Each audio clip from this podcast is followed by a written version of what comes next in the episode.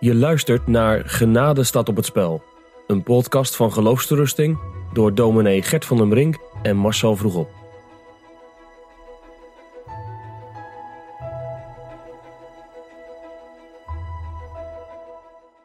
We hebben het net gehad over eh, eh, de stelling... Jezus is voor alle mensen gestorven. Nou, daar heb ik op gereageerd. Ik heb er nog één, een stelling. En ik gooi hem maar gewoon eh, voor je neer. Reageer er maar op. Ja. Zalig worden is afhankelijk van wat de mens doet. Ja, ehm, dat is een Arminiaanse stelling. Ehm, in ieder geval, de Arminianen zullen die bijvallen. Maar je kunt het niet omkeren dat iedereen die dit zegt iets Arminiaans zegt.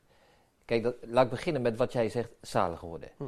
De Bijbel eh, bedoelt met zalig worden meer dan alleen vergeving van zonde. Be- de Bijbel bedoelt meer dan alleen de rechtvaardiging, de vrijspraak eh, van de schuld. Wat Zalig is, wat is worden. het meer dan? Wat is het meer van het zalig worden naast, naast vergeven van zonde? Nou, je zou kunnen zeggen dat de Bijbel spreekt over rechtvaardiging, vrijspraak en over heiligmaking. Ja, dus herstel van de relatie met God, de rechtvaardiging. En de heiliging, de innerlijke vernieuwing van de mens. En beide leiden tot heerlijkmaking. Dus de zaligheid is eigenlijk iets wat ons in de toekomst wacht. En dat is het gevolg, de vrucht van eh, rechtvaardiging en heiligmaking allebei. Dus als je zegt, zalig worden eh, gebeurt zonder dat de mens iets doet, dat zou dan de tegenhanger zijn. Hm. Dan zou je eigenlijk zeggen dat de mens geen aandeel heeft in zijn rechtvaardigmaking, maar ook niet in zijn heiligmaking. Ja, een opmerking hè, die vaak volgens mij hier een beetje mee samenvalt. Eh, als, als tegenwerping van hè, God werkt zonder ons in ons. Oh ja, ja, Hoe, eh, dat is eigenlijk het tegenovergestelde van deze stelling. Stelling is zalig Ja. worden is afhankelijk van wat de mens doet. En, Ja. en, en wat dan als goed gereformeerd eh, soms doorgaat is van nou, eh, het is juist het tegenovergestelde. God werkt in ons, maar zonder ons. We hebben daar verder, Ja. in dat hele zalig worden hebben wij verder niks Nee. mee te maken. ja. Ehm, ja, je, je ziet dat hè, de Bijbel die zegt over sommige dingen dat God dat zonder ons in ons doet, maar niet over alle dingen. Ja, dus eh, denk aan die teksten aan, eh, uit Filippenzen 2. Werk, werkt uw zelfzaligheid met vrezen en beven, want het is God die in u werkt. Hm. Ja, dus het is wel degelijk de oproep dat wij daar iets aan moeten doen. Kijk, je zou kunnen zeggen, de rechtvaardigmaking, dat is iets waar wij niet aan bijdragen. Dat heeft Christus volkomen voor ons verdiend. Eh, Het zijn niet onze werken die ons worden toegerekend, maar het is zijn werk Mm. en zijn dood zijn offer dat ons wordt toegerekend. Dus daarvan zou je kunnen zeggen, hè, dat doet God zonder ons. Hm. Eh, maar de heiligmaking is iets anders. Dat is de vernieuwing in ons leven. En eh, daar gebeurt wel degelijk wat. Als je de Dordtse leerregels dan leest, dan zeggen ze ehm, hoofdstuk ehm 3.4, paragraaf 12. Daar wordt beschreven hoe God de wedergeboorte in de mens werkt. Hij, zijn verstand wordt verlicht, zijn wil wordt vernieuwd. En dan staat er, en dan ehm, zodat allen in wier harten God op deze wonderbare wijze werkt, zeker zonder enige twijfel en krachtdadig worden wedergeboren en daadwerkelijk geloven. Dus daadwerkelijk, ze gaan wat doen. En dan wordt de wil, die vernieuwd is, niet alleen door God aangedreven en bewogen, maar door God bewogen, werkt die wil zelf ook. Ja, dus Hm. de mens gaat werken dankzij wat God gedaan heeft.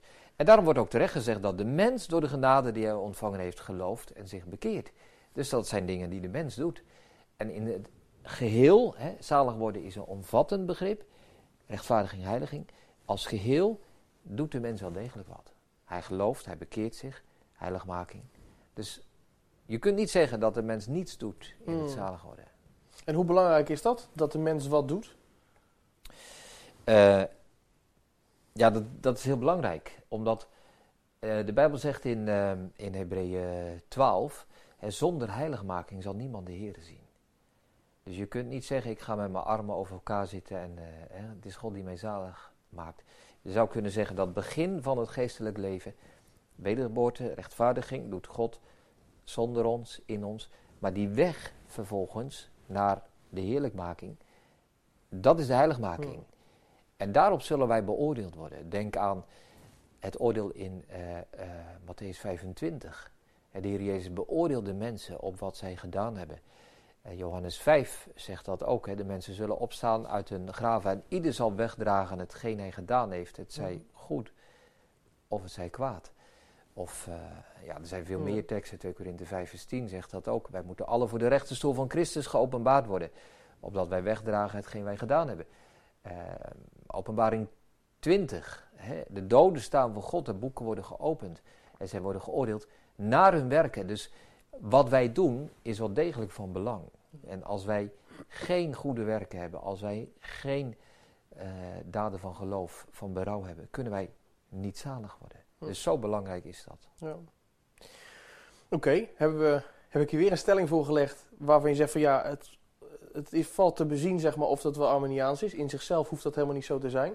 Wanneer um, zou zo'n opmerking zalig worden? Dat is afhankelijk van wat jij als mens, als gelovige doet. Wanneer zou dat nou wel echt Arminiaans zijn? Zeg van, dan, als je dat er allemaal bij zegt, dan ga je wel een stap te ver. Dan ben je, stap je buiten de Bijbel om.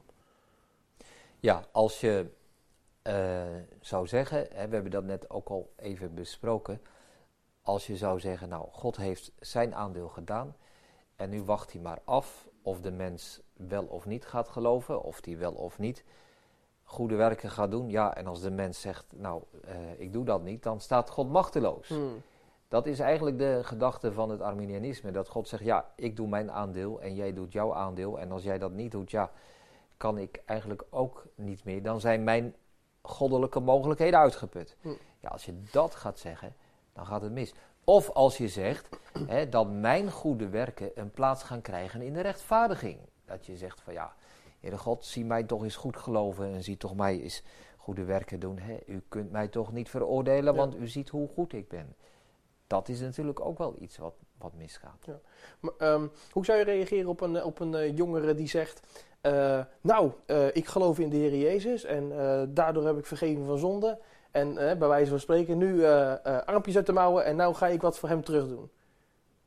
Hoe zou je erop reageren als, als een jongere dat tegen je zou zeggen? Um, ja, op het begin zou ik mild zijn. Hè, als het een jongere is. Mensen kunnen dingen krom zeggen. Uh, Psalm 116 zegt... Uh, wat zal ik met Gods gunsten overlaan die trouwe Heer voor zijn genade gelden? Ja, precies. Dat is de passie dus van die jongeren, zeg maar. Ja, prachtig. Hè? Laat, er maar, uh, laat er maar veel doen. Paulus zegt, ik, heb, ik ben ijveriger geweest dan zij allen. Waarom? Omdat ik meer dan wie ook Gods genade ontvangen heb. Ik had ook meer dan wie ook nodig, want ik was een vervolger, mm. zegt hij. dus ja, als dat de drive voor mensen is, omdat ze zien uit wat voor nood en dood zij verlost zijn, en ze willen alles geven voor Christus, ja, dat is toch prachtig. Mm. En toch Heb zit er ergens... moeite mee dan? Nee, maar er zit ergens een maar in volgens mij bij jou. Je zegt van oké, op zich, uh, mensen kunnen het krom zeggen. Waarom vind je het dan misschien toch ook een beetje cru of krom verwoord? Als iemand dat zegt van nou, Jezus heeft wat voor mij gedaan, dan ga ik wat terug doen. dat is aan de ene kant heel positief en er zit aan de andere kant, dan proefde ik ergens. Ja, nou kijk, zalig worden is niet voor wat hoort wat. Hm. Het is niet, uh, ja, omdat Jezus zoveel voor mij heeft gedaan, moet ik nu wat terugdoen alsof het een soort ruilhandel is. Het is dankbaarheid, het is liefde, het is toewijding. Hè? Maar niet van, oh, nu moet ik wat terugpresteren. Dat zou dwaas zijn. Ja. En dan zouden we de genade van Christus uh, uh, eigenlijk verschaggeren, alsof het koopwaar is, die wij met onze inspanningen toch weer moeten verdienen. en dat kan, dat kan er ook insluipen, hè? laten we maar eerlijk zijn. Maar ik neem niet meteen aan dat de jongeren dat bedoelt. Goed, dankjewel. Je luisterde naar een podcast van Geloofsterusting. Wil je meer luisteren, lezen of bekijken? Steun dan onze missie en ga naar de website geloofsterusting.nl.